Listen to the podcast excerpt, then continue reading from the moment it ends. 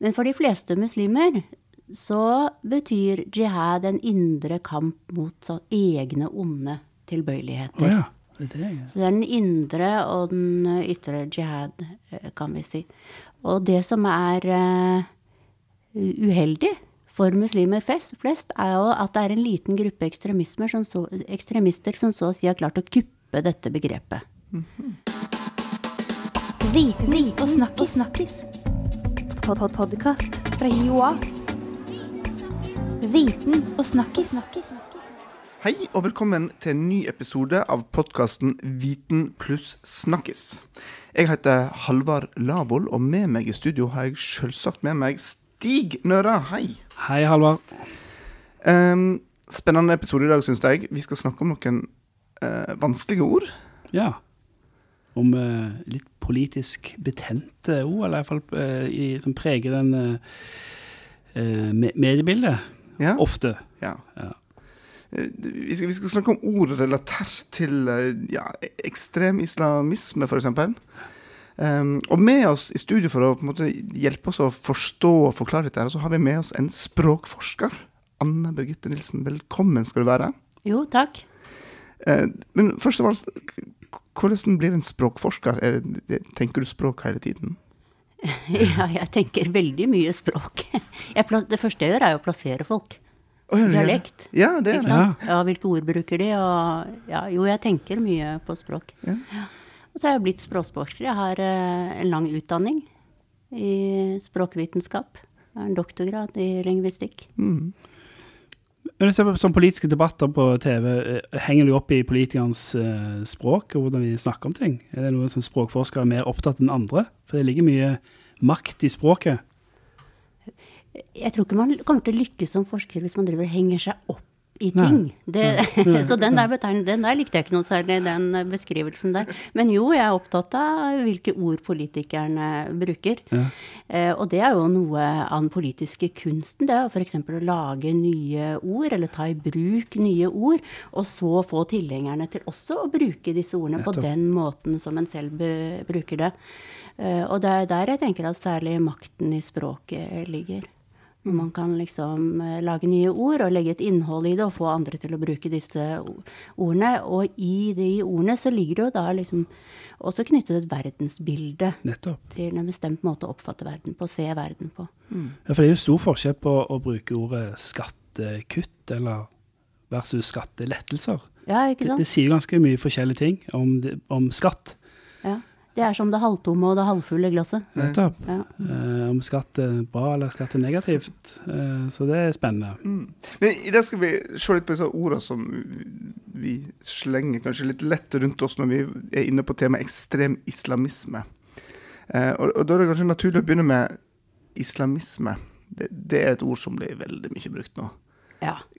Hva er det egentlig det betyr? Ja, eh, islamisme handler om kan man si, det er en politisk ideologi. Det er eh, islam og politikk eh, sammen. Islamisme handler om hvordan samfunnet skal styres på grunnlag av islam.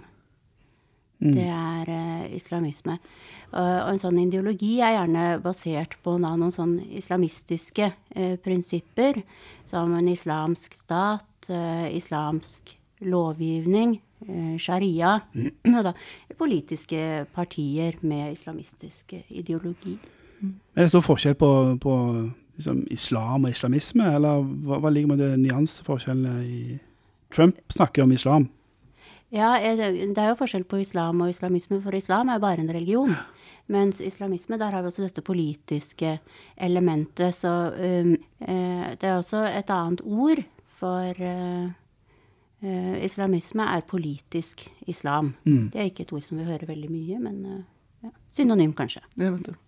Og, og så kaster vi jo på ordet ekstrem framfor dette, Ja. dette begrepet. Er det litt sånn tilfeldig når vi gjør det, eller er er det noen grenser når islamisme blir eh, går fra hva skal jeg si, normal til ekstrem, eller? Ja, i, i den forbindelse så tenker vi nok at ekstrem islamisme handler om det som er langt utenfor det muslimer flest oppfatter som eh, islam og den rette tro. Men moderat islamisme, fins det? det altså, er, er, Absolutt. ja. Det finnes alle former Ja. av islamisme, så eh, jeg tenker ikke at islamisme i seg nødvendigvis er noe ekstremt. Og derfor ja. altså jeg sier at eh, det er forskjell. Islamisme er én ting, og ekstrem islamisme er noe annet. Ja. Mm. Og ekstreme islamister, de eh, har vi ikke så mange av her til lands. Og det fins ikke så mange av dem sånn eh, på verdensbasis heller. De er et lite mindre tall. Men de gjør mye ut av seg. De gjør veldig mye ut av seg. Og prestene er også veldig flinke til å gjøre mye, Prestene er flinke til å hjelpe litt fram, kan man Ja. si. Ja. Mm. det må vi si. Men, ja, men bare en ting. Jeg mener at hva, eh, eh, Forstår egentlig journalister hva de snakker om når de måtte omgir seg med begreper som islamisme og eh, altså, Føler du at det er en veldig unyansert uh, måten journalister beskriver disse tendensene i samfunnet? Hvis jeg skulle være litt frekk mot deg nå, så kanskje jeg syns du er litt unyansert på ja, journalistenes vegne. Det er kanskje litt dårlig gjort å si det. Eh, nei, journalister er vel som folk flest. Noen har mye kunnskap. Og vi har jo mange journalister i Norge som eh, Ja. har mye kunnskap eh, om det ene og det andre, og derunder også eh, islam Ja. og islamisme. Mm. Men så er det jo riktig at det er en, en del som ikke, ikke Mm. har det. Så journalister skriver liksom om ikke alltid om ting de er eh, eksperter på. Nei. Et annet begrep eh, som vi hører mye om, er radikalisering. Eh, Hvordan vil du som språkforsker definere det begrepet? Ja, radikalisering tenker vi det er en prosess der en person så å si blir mer, eller en gruppe blir mer og mer eh, ekstrem. og i økende grad eh, aksepterer vold som virkemiddel for å fremme eh, politiske, religiøse eller ideologiske eh, mål. Eh, og da liksom, Enden av det verste endeutfallet er jo voldelig Mm. eh, ekstremisme. Så radikalisering er egentlig Lars Gule har lansert begrepet ekstremisering, Mm. og det syns jeg egentlig er bedre. For det er det radikalisering handler om. Det er personer som blir mer og mer ekstreme i sin eh, eh, verdenssyn, sin måte å, å omgås verden på, å være på og forstå eh, verden. Blir liksom snevrere og snevrere i sine oppfatninger. Mm. Mm, Veldig mer og mer unyansert. Mer og mer svart-hvitt. Ja, for det, det er ikke så negativt å være radikal, tenker jeg. Så det, det, ekstremisme høres ut som et bedre begrep for å fange en måte. Ja, der er jeg veldig enig med deg. Ja, du kan ikke gjøre det å være radikal til noe veldig Nettopp. Nei, Nei. hva tenker du? Det er bra å være radikal, er det ikke det? Jo, noen mener jo det, andre mener at det er ikke bra. Men det er iallfall legitimt å være radikal eh, for å forandre samfunn. Ja. Ja, for jeg tenker at radikal, det er en som ønsker å endre etablerte forhold. En som ser verden på en annen måte, Mm. Nettopp. som utfordrer etablerte sannheter. Ja. Det må være bra.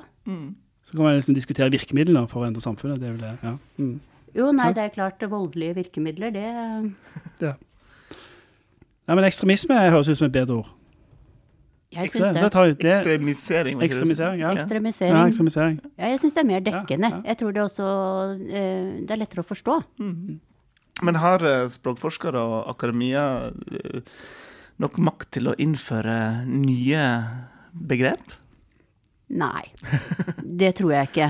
Eh, eh, ja, det måtte jo være de som er mye i mediene, da. Eh, Kanskje mm, direktøren i Språkrådet, f.eks. Hun har kanskje litt makt når hun er ute i mediene, men jeg vet ikke om jeg vet om så ma- Helene Uri, selvfølgelig. Hun er mye ute i mediene. Hun har vel antagelig språklig makt. Ja. Mm. Du, vi går litt videre på ordlista vår her. og Det neste vi, vi hadde lyst til å snakke litt om, var parallellsamfunn. Du, du har skrevet en, en sak om det for ikke så lenge siden òg. dette begrepet. Og, Ja, det, ja, kan du si litt om det?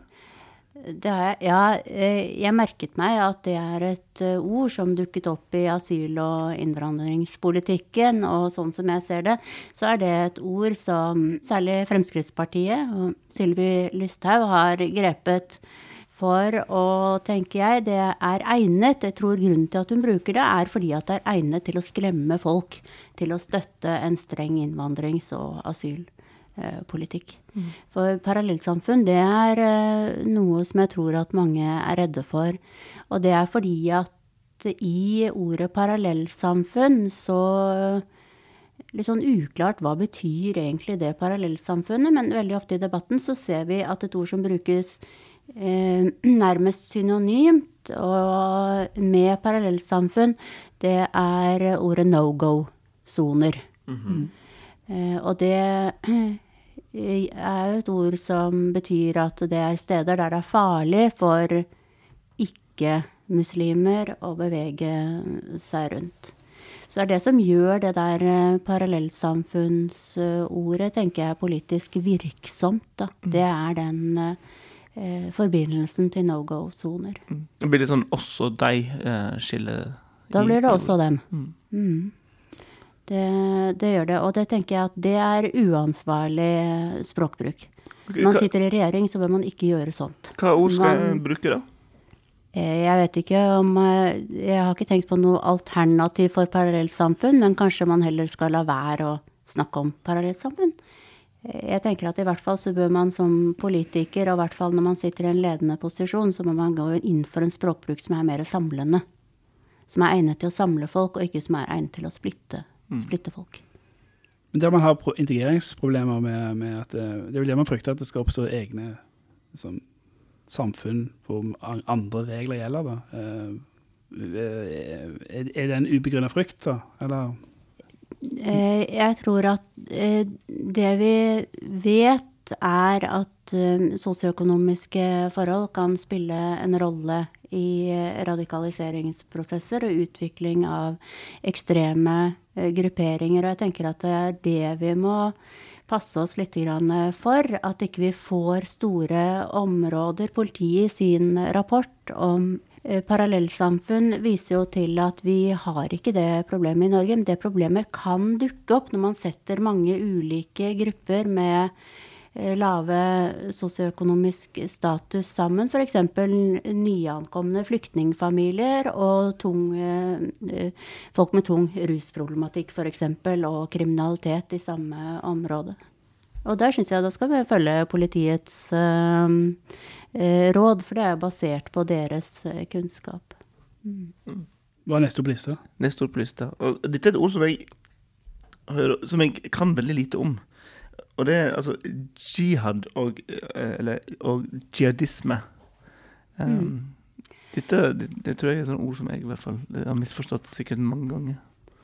Ja, og, og ordet jihad er jo ikke sånn veldig lett å begripe heller, kanskje. Det er jo et ord som kommer fra islam, og som vi finner flere steder i Koranen. Og i Koranen så kan jihad bety fredelig innsats for islam. Det kan bety krigføring, det kan bety væpnet eh, forsvar.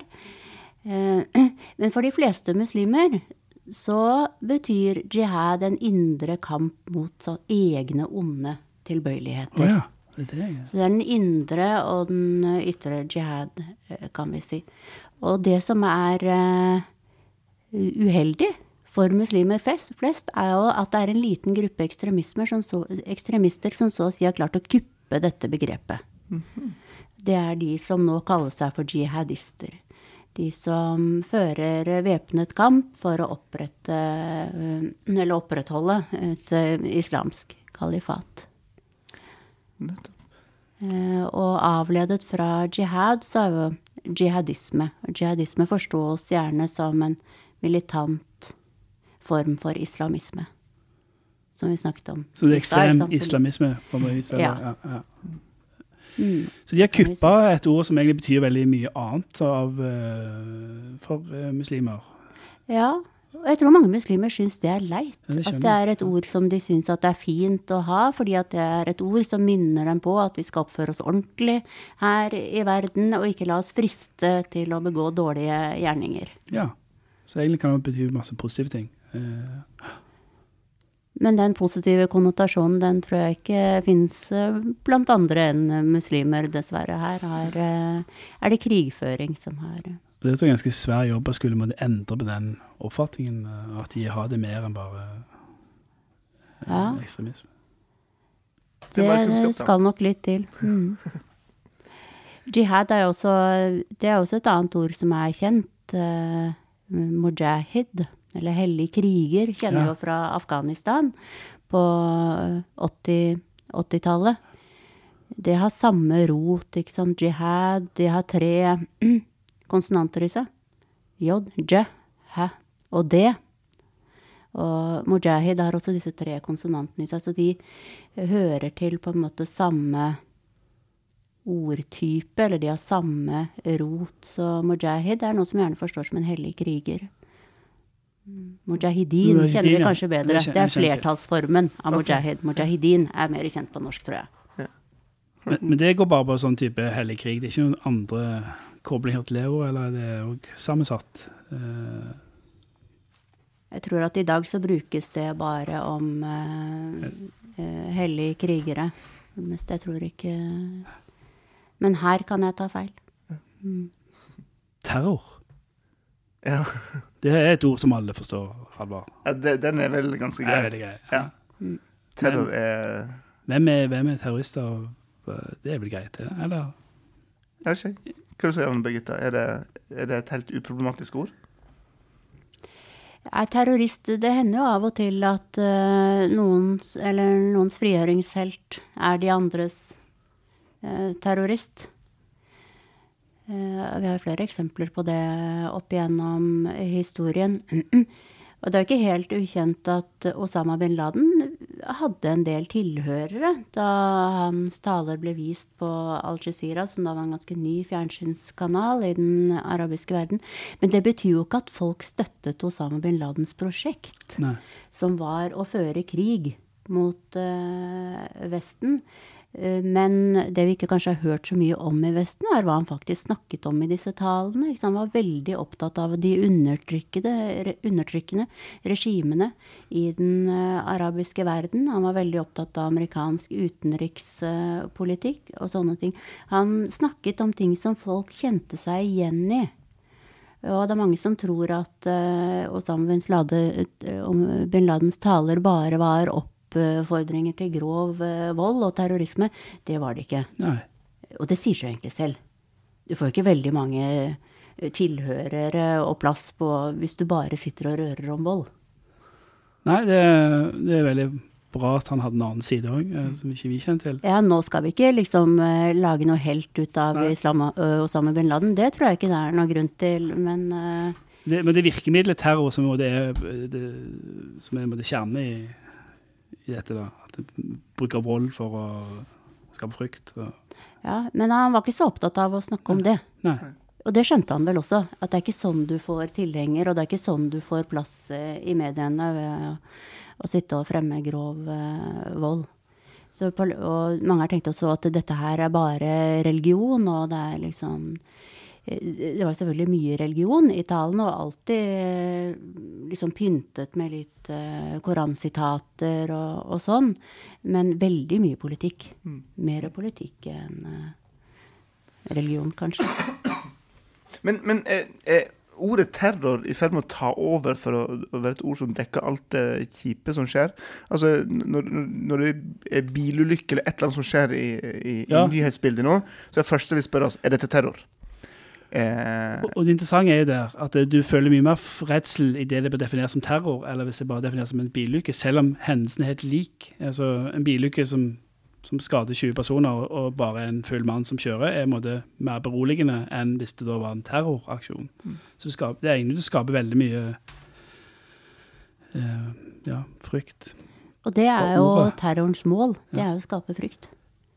Og det klarer jo terroren også. Folk eh, er selvfølgelig redde for terror, for det er veldig voldsomt. Det er veldig skummelt. Det er for vår del noe nytt i Norge. Vi har ikke hatt islamistisk terror her, eh, men vi har hatt eh, høyreekstrem eh, terror her. eh, 22.07.2011. Og dessverre nå i forbindelse med 17. mai så var det jo noen foreldre som var urolige Ja.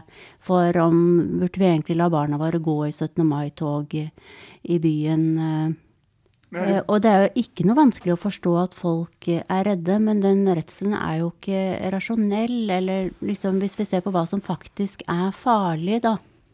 Så i et 17. mai-tog, hva, Hva ja, det er det ordet. Er det noe farlig der? Eh, Ja, det måtte være at man snublet, da, Mm, mm, eller at eh, det Jeg vet ikke. Det som faktisk er farlig, er jo trafikken. Ja, nettopp. Men det er altså, der eh, vi vil liksom sette inn støtet hvis vi vil passe på barna våre. Så må vi sørge for refleks, og så må de lære seg ja, trafikkreglene. jeg er helt enig. Ikke hold dem hjemme fra 17. mai-toget. Men, men har, de, har, terroristene vunnet noe, da? Siden terror, Nei, det ordet jeg tror ikke terroristene vinner. Og noen psykologene som forsker på dette her, sier også at det er veldig stor forskjell fra land til land, hvor så å si eh, motstandsdyktige folk er. I England f.eks.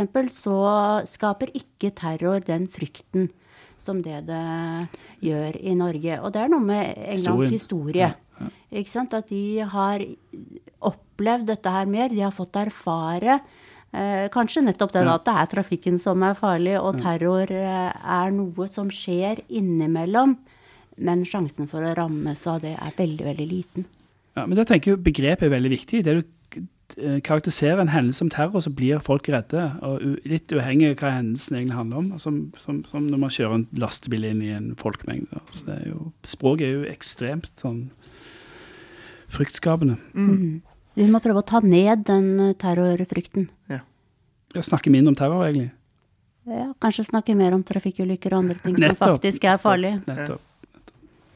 Du, vi må innom eh, det som heter konspirasjonsteorier. Det er noen begrep der, og vi, vi ville høre med deg om um, Eurabia og, og korstog og sånne ting. Men, men kanskje først Når blir noe en konspirasjonsteori? Ja. eh, Konspirasjonsteori, det er jo en teori om at det er noen som har slått seg sammen for å ta, ta over for noen andre. Anders Behring Breivik var jo eh, overbevist om mm, konspirasjonsteorien om Eurabia, som sier at muslimene er i ferd med å overta eh, Europa. Um, og når vi snakket om radikalisering eh, i stad, så ble han liksom mer og mer overbevist om at det var det som foregikk. Og til slutt så han ble så overbevist at man var nødt til å handle. Man var nødt til å gjøre noe, vekke folk. eh, eh, bruke terror som virkemiddel. Eh, og det som er problematisk med de konspirasjonsteoriene, er jo at det alltid er noe samtidig. Da, ikke sant? Det er jo sant at det er flere muslimer i Europa enn det er før. Eh, og så er det jo sant faktisk at det fins muslimer som vil lage et eh, verdensomspennende kalifat. Det har vi sett i Irak og, og Syria. Den islamske staten. Men det er jo ikke sant at muslimer flest vil det. De fle muslimer flest er jo like mye mot den islamske staten som det vi er. Eh, og det er det som dessverre gjør det, at det er lett å overbevise folk om konspirasjonsteorien. fordi at det er alltid noe sant i konspirasjonsteorien, og så overdriver, overdriver man. Og dette er med at det faktisk fins noen veldig få ekstreme islamister som vil lage et islamsk, eh, verdensomspennende islamsk eh, kalifat. Også i Europa, og ikke bare eh, i Midtøsten. Men, men så, begrepet korstog dukker jo alltid opp her. Men altså, korstog er, jo, er vel òg bare en historisk eh, Hendelse. hendelse. Men, men blir det òg misbrukt? Misbrukt og misbrukt. eh, Jeg, tror ikke, jeg tenker at det blir kanskje brukt på en annen måte blant eh, ekstreme islamister enn det vi er vant til. Ordet korstogene for oss refererer jo gjerne til korstogene i middelalderen. Ja. Blant ekstreme islamister så tenker man at korstogene de opphørte aldri. De startet i middelalderen, og de har vedvart frem til i dag. De fortsatte gjennom kolonitiden, kolonialiseringen av Nord-Afrika og Midtøsten, med opprettelsen av staten Israel, etableringen av vestlige styrker på den arabiske halvøya på 90-tallet, invasjonen av Afghanistan og Irak osv. Ja. Det er en snev av sannhet der òg. Om det ikke er korstog, så iallfall det du beskriver her, er jo Ja, ikke sant? Ja. Det er nettopp det der. Ikke sant? Det er jo uh, sant Mm. eh, at den eh, israelske staten ble opprettet på palestinernes bekostning. ja, Og britene og franskmenns framferd der nede er jo ikke heller Det er jo ganske Ja, det er jo også sant. Men det er måten den her historien som settes sammen på, som ikke er sant. Det er jo ikke sant at Vesten fører et korstog for å utrydde islam og muslimene. Det er jo ikke sant. Men hva skal til for å motvirke konspirasjonsteorier? da? Det virker som at selv mer kunnskap ikke Det er jo folk som har, er veldig belest òg, som, eh, som er opptatt av konspirasjonsteorier og tror på det. Altså, det virker som det er vanskelig å, å gjøre noe med. da. Ja, eh, veldig vanskelig å gjøre noe med. Og kunnskap er jo noe som kan hjelpe, men for folk som er veldig overbeviste, så, så biter ingenting på. Jeg, jeg tenker Behring Breivik langt ute i radikaliseringsprosessen Det var antagelig Kunnskap ville ikke bite på han. Og så er vi nok litt sånn alle sammen at vi leter etter det som passer med det vi kan fra før. Nettopp. Der kjenner vi oss igjen. Ja, ja. Du kjenner deg igjen? Ja, jeg kjenner. Ja, absolutt. Altså, vi, vi, vi leser jo eh, mer eh, nyheter om USA, så jeg foretrekker jo de nyhetene som passer altså, anti-Trump-nyheter mer enn de Fox News. Så det er litt sånn type mekanismer som slår inn, da. Ja. Hvis Trump en dag skulle ha noe fornuftig å si, så ville du ikke være så interessert i det? Jeg er lite mottagelig, selv om man, selv om han prøver. Jeg må si det. Eh, så det tror jeg må det er gjenkjennbart.